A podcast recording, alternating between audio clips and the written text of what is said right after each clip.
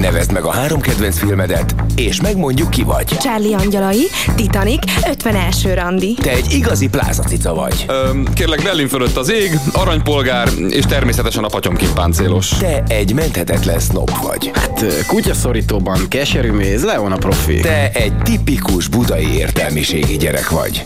Egy dolog viszont közös bennetek. Mindegyik ötökre ráfér, hogy hallgassátok a hétmesterlövészét.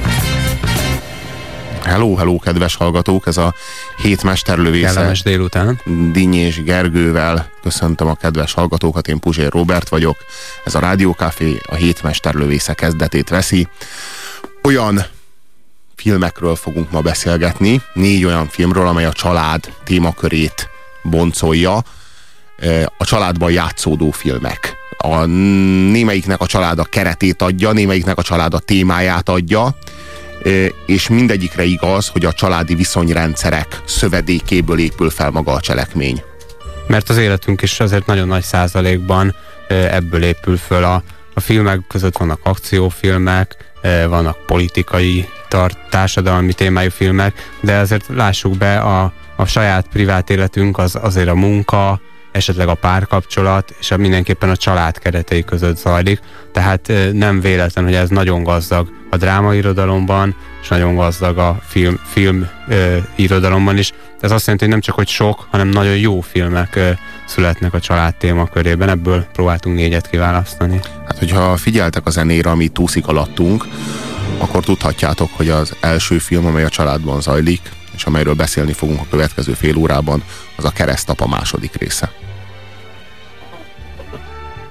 Nincs túl sok mondani valóm. Van időnk? Engem nem régen avattak be. Ezekről egyáltalán nem tudtam. És mi van most? Tudsz valamit, amivel segíthetnél nekem? Tudsz mondani valamit? Jellit elkapták, nem tudok semmi többet. Én nem tudtam, hogy meg akarnak ölni Mike. Esküszöm az Istenre, hogy én ezt nem tudtam. Johnny Ola összefutott velem Beverly Hillsben. És azt mondta, hogy beszélni akar velem. Azt mondta, hogy te és Rót valami nagy üzletre készültök együtt.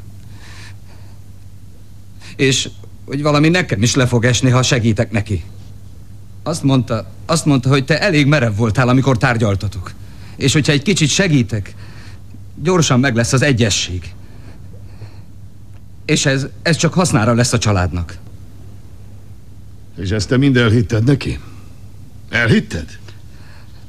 Azt mondta, hogy nekem is jut belőle valami. Magamnak. Én mindig gondoskodtam rólad, Fredo. Gondoskodtál rólam? Te vagy az öcsém, és te gondoskodtál rólam? Ez még sohasem jutott eszedbe? Soha? Erre nem gondoltál, mi? Egyetlen egyszer sem? Eredj, Fredo, intézz ezt el! Csináld meg azt! Majd Fredót elküldjük, hogy valami Miki egér éjszakai mulatót vezessen. Majd Fredót kiküldjük valaki elé a repülőtérre. Én a te bátyád vagyok, Mike, te pedig keresztül léptél rajtam! Apa akarta így. De én nem akarom így, nem érted? Nem lehet bízni akármit, van eszem! Hiába beszélnek körülötted, hogy Fredo hülye, nekem van eszem és tiszteletet követelek! Mit követelsz, te szerencsétlen? Ez egy halott ember.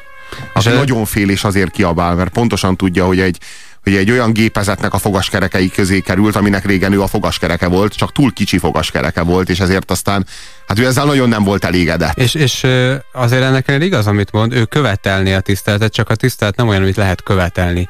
Pontosan az, a, mindent lehet vele, de sok mindent, de követelni azt nem lehet. Ah, Michael is hadilában áll a tisztelettel, legalábbis, hogyha abban a relációban vizsgáljuk ezt a kérdést, hogy az öreg ö, Vítóhoz, az apjához képest vajon képesek-e őt tisztelni, vagy pedig egyszerűen csak félnek tőle? A, a kegyetlenséget, a, a félelemkeltést és a, a, az átgondolt gyilkosságot összekeveri ő is a tisztelettel. Tehát ez, ké, ez két nem olyan... keveri össze, nem, nem tud tiszteletet kiváltani, ezért, hát, ezért hajt a félelemre. Hát olyan, olyan értelemben, hogy magában valószínűleg összekeveri, mert valószínűleg ő magában tiszteletet szeretne. A régi világban, amikor a diktátorokat még királyoknak hívták, akkor nem volt szükség ilyen mértékű kegyetlenségre, mint amilyenre Michael Corleone-nak szüksége van, mert hogy őket védte Isten. Igazából egy királyt nem volt olyan könnyű megölni, mert, mert azzal tulajdonképpen az Isten által ihletett világrendre törsz. Az, hogy mondjam, a világ az, az egy Isten által inspirált rendszer szerint működött és ez áthatotta az emberek gondolkodását és az emberek cselekvését.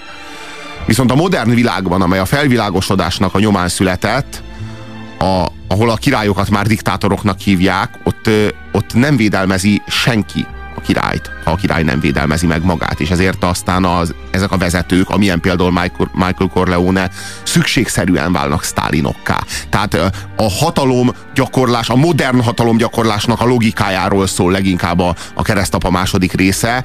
Azt gondolom, hogy az első részben az öreg Vito, ahogyan vezette a családot, még sokkal inkább úgy vezette, mint egy, egy feudalizmusban egy fejedelem. Hát a... A, a Michael, Michael mögött már nincsen ott ez a, ez, a, ez a fajta tisztelet, vagy ez a fajta a tradícióból, a hagyományból fakadó respekt, vagy hogy fogalmazok, tehát nincs az az aurája, nem veszi körül valamiféle szellemi védőaura, ahogyan az öreg Vito Corleonét, ezért neki minden egyes konfliktust erővel kell eldöntenie.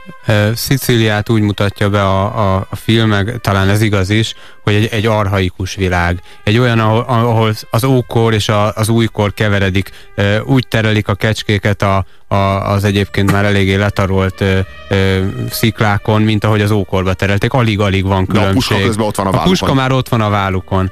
Ez a, ez a közösség, vagy az, ennek a tagjai elsősorban Dél-Olaszországból, Szicilián kívül is a többi dél-olasz területről vándorolnak ki Amerikába, és ott ö, egy 20. század elejé környezetben mégiscsak egy, egy arhaikus világot hoznak létre. Egy olyat, ahol a keresztapa ö, valóban egy feudális uralkodó. De ez a film a második generációról szól arról a második generációról, aki már aki már Las Vegas-szal foglalkozik, aki már nem, nem a bevándorlók első nemzedékét jelenti, mások a, a forrásai, mások a céljai, mások az eszközei. Itt már szenátusi vizsgálóbizottságokat látunk ebben a filmben, nem pedig ókori típusú, vagy, vagy középkori típusú ilyen, ilyen banda háború jellegű jeleneteket, és ennek a két testvérnek ebben a jelenetben már egyikőjüknek sincs fogalma igazán a, a tisztelet ről mind a ketten lemaradtak, illetve a világ elment mellettük.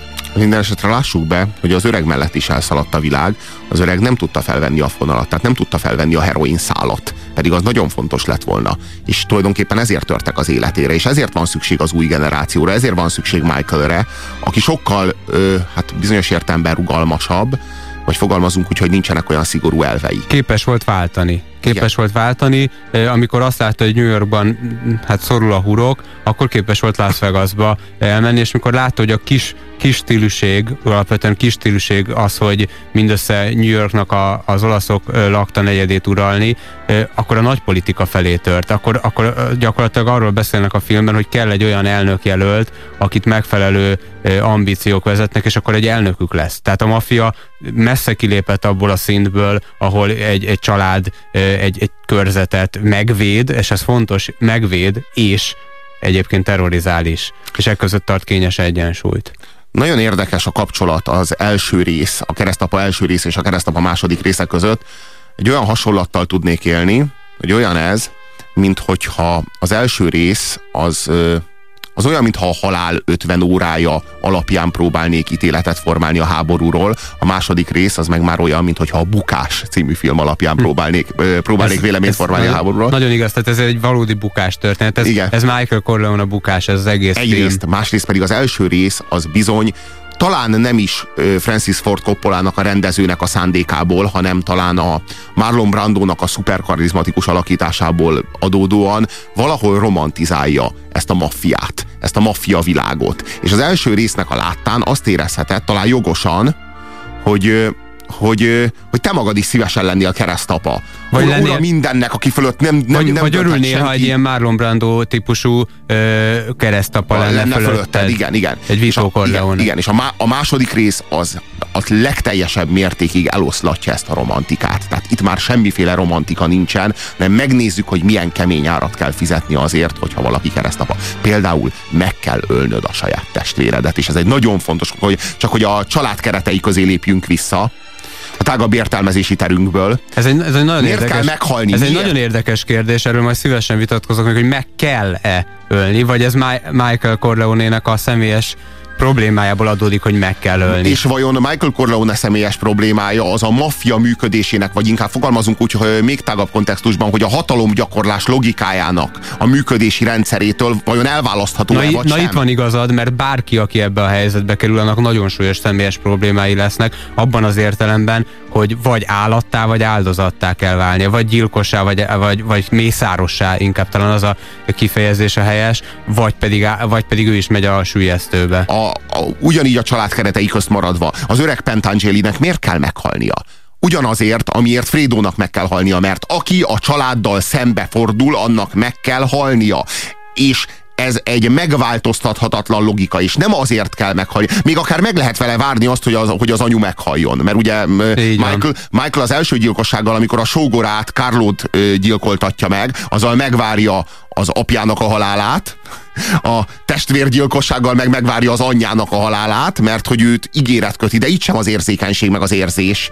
Tehát itt, És ebből az is látszik, hogy milyen, ígéret, milyen, kiszámít, milyen kiszámított dologról van szó. Nem arról van szó, hogy Fredót zavarna bárkit is, vagy, vagy amikor már a végén csak horgázgat, ott még veszélyt jelentene. Nem arról van szó, hogy ő még veszélyt jelent a család számára. Arról van szó, hogy ő meghalt pár évvel ezelőtt, csak éppen most történik meg a, a konkrét kivégzés. Persze, persze. Tehát tulajdonképpen ez volt az a beszélgetés, amit az imént hallottunk, van, amikor amely, meghalt. amely, amely után ö, ő már egy élő halott, tehát itt már halott.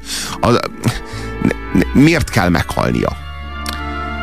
Azért kell meghalnia, mert muszáj példát statuálni mindenkinek, aki a családdal szembefordul. Tehát, hogyha ha, ha, ha ő megussza, hogyha Fredo megussza ezt az árulást, amit elkövetett Michael-lal szemben, még ha csak ost, pusztán ost- ostobaságból és féltékenységből követte el, akkor is, ha ő ezt megussza, akkor, akkor az egy jelzés, egy indirekt jelzés bárkinek, hogy talán meg lehet úszni egy árulást a család ellen.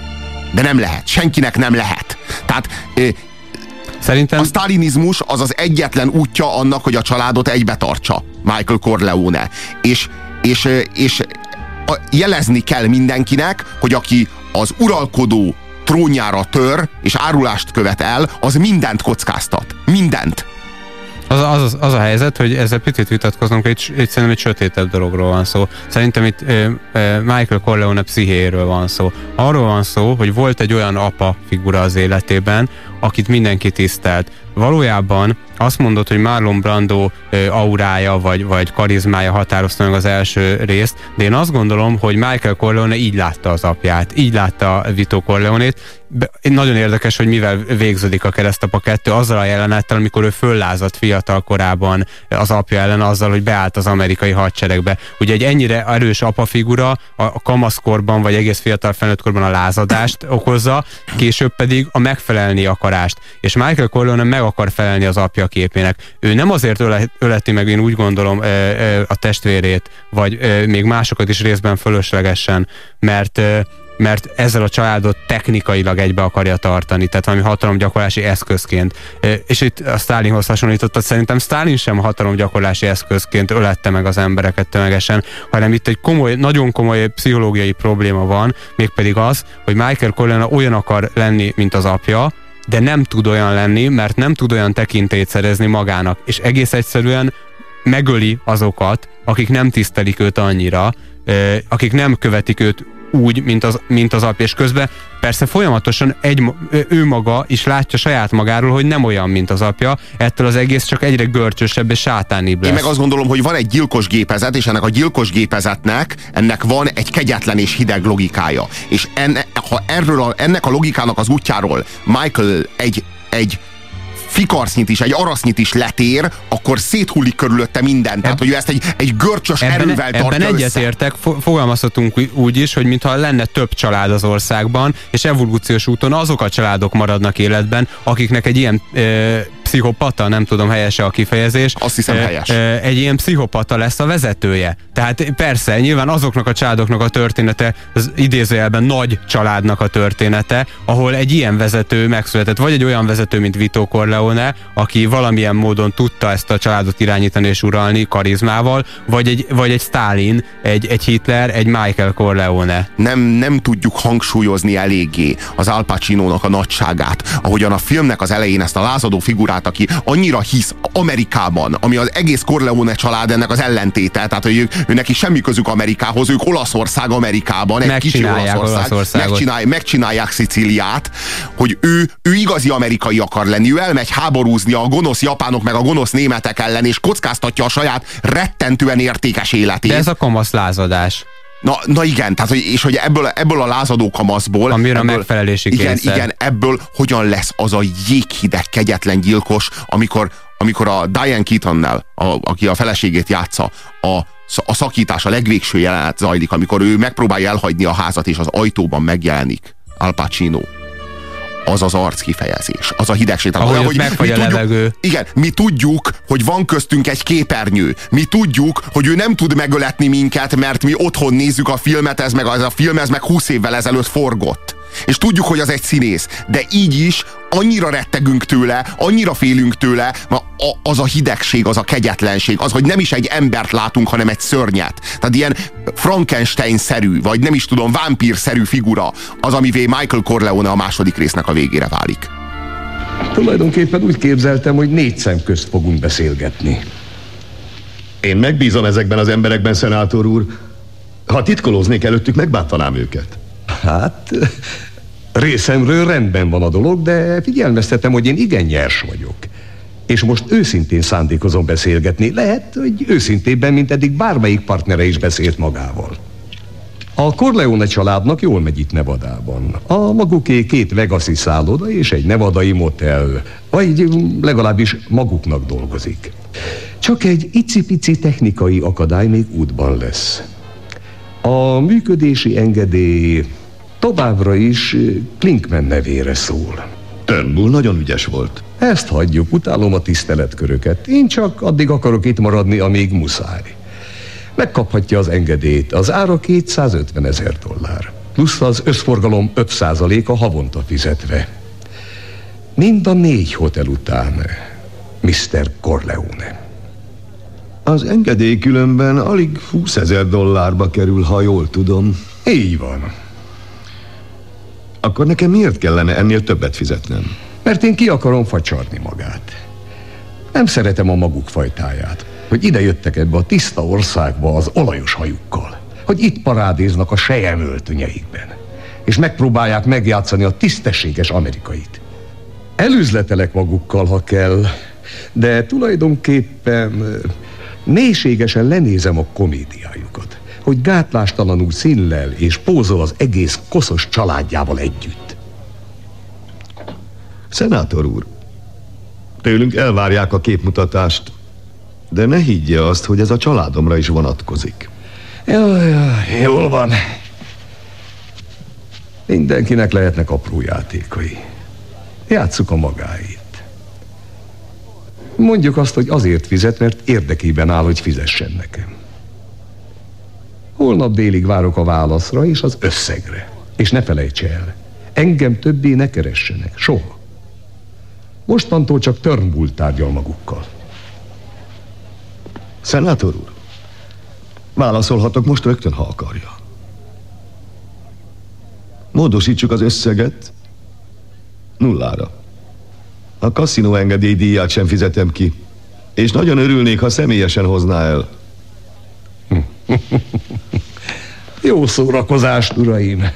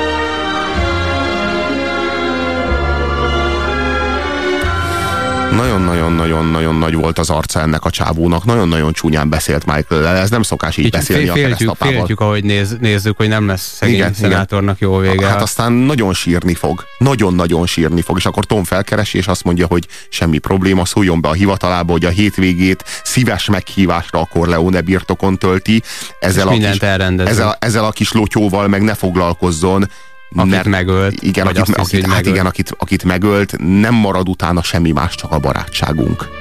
Hát az annyira tökéletes duma. De a, Ez a Tom egyébként egy akkora spíler. De a, de a film végére Tommal is le akar számolni, ugye? Michael. Michael Corleone. Még pusztán pedig, csak, a, még pedig azért, mert Tom ki akar szállni. Már idősödő ember ő maga is, és egyszerűen ki akar szállni a bizniszből, vissza akar vonulni egy, egy kaszinót vagy egy szállodát üzemeltetni a családjával de ezt nem lehet, mert ha megengedné, hogy kiszálljon Tom, akkor elismerné az egész dolognak a vállalhatatlanságot, mert ugye egy családból nem lehet kiszállni, tehát olyan nincs olyan, hogy, hogy mondod a tesóidnak, hogy egyébként most bocs, én, én most egy pár évig nem tartom veled a kapcsolatot, meg az anyuval, apuval, hanem így elmegyek valahova, ez egy családban a legdurvább dolog. De ugye Tom azért nem száll ki, mert látja Michael szemén, és tudja jól, hogy akkor mi lenne. Tehát ebből nem lehet kiszállni. Michael, semmi bajod? Ne félj. Sok dolgot nem mondhatok el neked. Tudom, hogy ez mostanában idegesít téged. Hát, Igen. Biztosan olyasmit érzel, hogy nem bízom meg benned, vagy nem eléggé. Pedig az igazság az, hogy csodállak. És szeretlek. Ezért titkoltam el bizonyos dolgokat. Így maradtál meg te egyedül, akiben most maradéktalanul bízom. Fredóban nem. Alapjában jó szíve van, de nagyon gyenge. És ostoba is. Ez pedig most élethalál kérdés. Tom, a testvérem vagy. Én mindig azt szerettem volna, ha a testvérednek tartasz. Igazán a testvérednek. Tudom, Tom. Te ülsz be a székembe. Te leszel a Don. Ha valóban úgy történik, ahogy én gondolom, most rögtön el kell utaznom. Neked adom át az irányítást, a hatalmat. Fredo Rocco elméri. Mindenki neked engedelmeskedik. A kezedbe adom a feleségem életét és sorsát. A gyerekeimét. Az egész család jövőjét. Ha elkapjuk a fickókat, nem lesz nehéz rájönni, ki rendezte ezt az egészet. Nem kapjuk el őket. Biztos vagyok benne, hogy csak hullákat találunk. A házból fogja megölni őket valaki. Családtag. Akinek érdeke, hogy ne tudjanak megszólalni. És a testőrök Rokko meg elméri. Csak nem hiszed, hogy az ő kezük lehet a dologban. Tudod, a mi embereink mind üzletemberek. Üzleti alapon tartanak velünk. Apámtól egy dolgot megtanultam. Meg kell tanulni a partnereit fejével gondolkodni elképesztő logikai játék megy le ebben a második részben. Hát például az valami, valami fantasztikusan bravúros, ahogyan megtudja, hogy kikövette el a merénylet kísérletet ellene. Tehát az, az, az Vagy ahogy Hyman Rothtal az ellenfelével tárgyal. Az, az, legjobb barátja. Az, az is zseniális. Meg, hát meg az, ahogyan a szerencsétlen Pentangelit, azt a rendőrség, illetve hát az FBI-nak az ölelő karjai közé kergeti azzal, hogy meggyanúsítja és félelembe hajtja, a, pusztán csak azzal eszközként használva, hogy a, hogy, hogy a rótnak a gyanakvását eloszlassa. Tehát, hogy ezek olyan játszmák, amikben e, e, gyalogok így elhullanak. Arra hívnám még fel a figyelmet, hogy, hogy nem beszéltünk a filmnek egy nagyon fontos tulajdonságáról, amit a Robi úgy mondott, hogy két film is van a Keresztapa kettőben, mert bemutatja Vito Corleone-nek a fiatalságát. Ugye Robert De Niro játsza a fiatal Marlon Brandot, és kiválóan egyébként. Ez, ez, ez nekem arról szól, hogy a rendező itt ad nekem egy nagyon fontos nyomot arról, hogy miről szól ez a film, arról, hogy, hogy Michaelnek milyen a viszony az apjához. Nem véletlen, hogy a, az apának a felemelkedését látjuk, mert uh, Michael ennek az útnak az ellenkezőjét uh, éri el, vagy járja be annak ellenére, hogy a, amit valós, valójában elér, az a birodalom, az a hatalom, az minden, minden ö, szinten messze-messze sokszorosan nagyságrendekkel haladja meg az apjának a valaha volt hatalmát, ha pénzben, ha emberben, ha fegyverben, vagy bármiben mérjük, és mégis azt a valaha Pitiáner alakot, aki, aki csak egy kifutó fiú volt szinte, ö, azt nem tudja elérni soha. Én a keresztapa második részére 9-esnél kevesebbet a tízes skálán nem tudok adni. Sokkal jobb az egy, de azért a 9-es, csak itt nagy a különbség a 9 a 10-es között szerintem is teljesen jogos.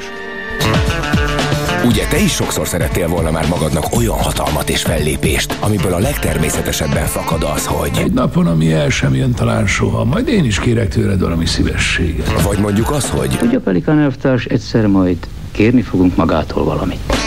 Nos, ha ez megtörtént már veled, úgy a hétmesterlövészét neked találták ki. Ha viszont még sosem, ez esetben nagyon rád fér. Ugye neked is volt már olyan rémálmod, amiben arra ébredtél, hogy...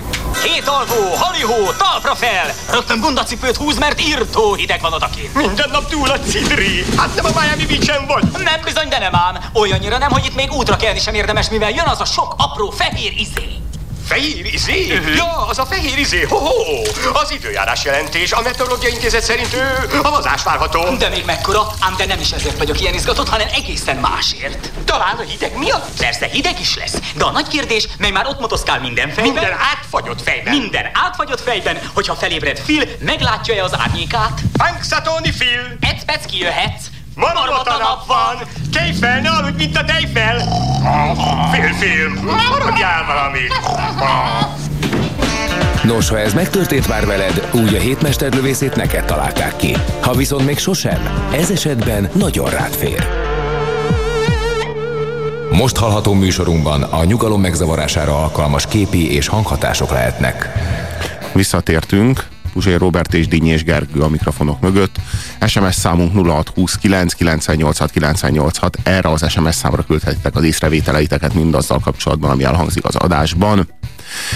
Ez a Rádiókafé, a hét mesterlövészét halljátok. A családban zajló filmekről beszélgetünk a mai adásban. Négy filmről, melyek közül az első az a keresztapa második része volt de néhány gondolat még bennünk maradt mindenképpen a, a dologgal kapcsolatban. Én csak a, a, azt a, egyébként a Robi világított rá erre, hogy a, a Dallas az mennyire ezt próbálja e, sorozatban megvalósítani, ugye négy évvel később egy készült. apa, e, és ott is ugye egy hasonló apa-fiú viszony van, ugye a Joke, aki tekintélyes, mindenki tiszteli, e, valahogy a, a nulláról elért saját maga valamit, és van Joki, aki pedig, aki pedig már nem tudja a, a tekintét megszerezni, mindenféle ócska mesterkedésekbe e, fog pitiálni. És kegyetlen, egy kegyetlen és kíméletlen, mint Michael, tehát tulajdonképpen pedig Joki, Michael és Joke az pedig pedig a hatalma neki is nagy, tehát nem, nem a, a tekintét nem a hatalom határoz, talán nagyobb is, mint az apjának volt valaha. Igen, és ugyanazokat, ráadásul egy az egybe trükköket átemelnek, tehát az, ahogyan ezt a szenátort megregulázzák egy prostituáltal, és zsarolhatóvá teszik, hát a Joki három részenként elkövette ugyanezt, csak hát azt lehet mondani, hogy a Dallas az ilyen keresztapa light. Tehát ami itt gyilkosság, az ott egy fotó, érted? Tehát itt, itt, itt pisztolyjal lőnek, ott fényképezőgéppel lőnek, ott egy prostival hempereg, itt meg egy prosti holtan izé, hever az ágyában.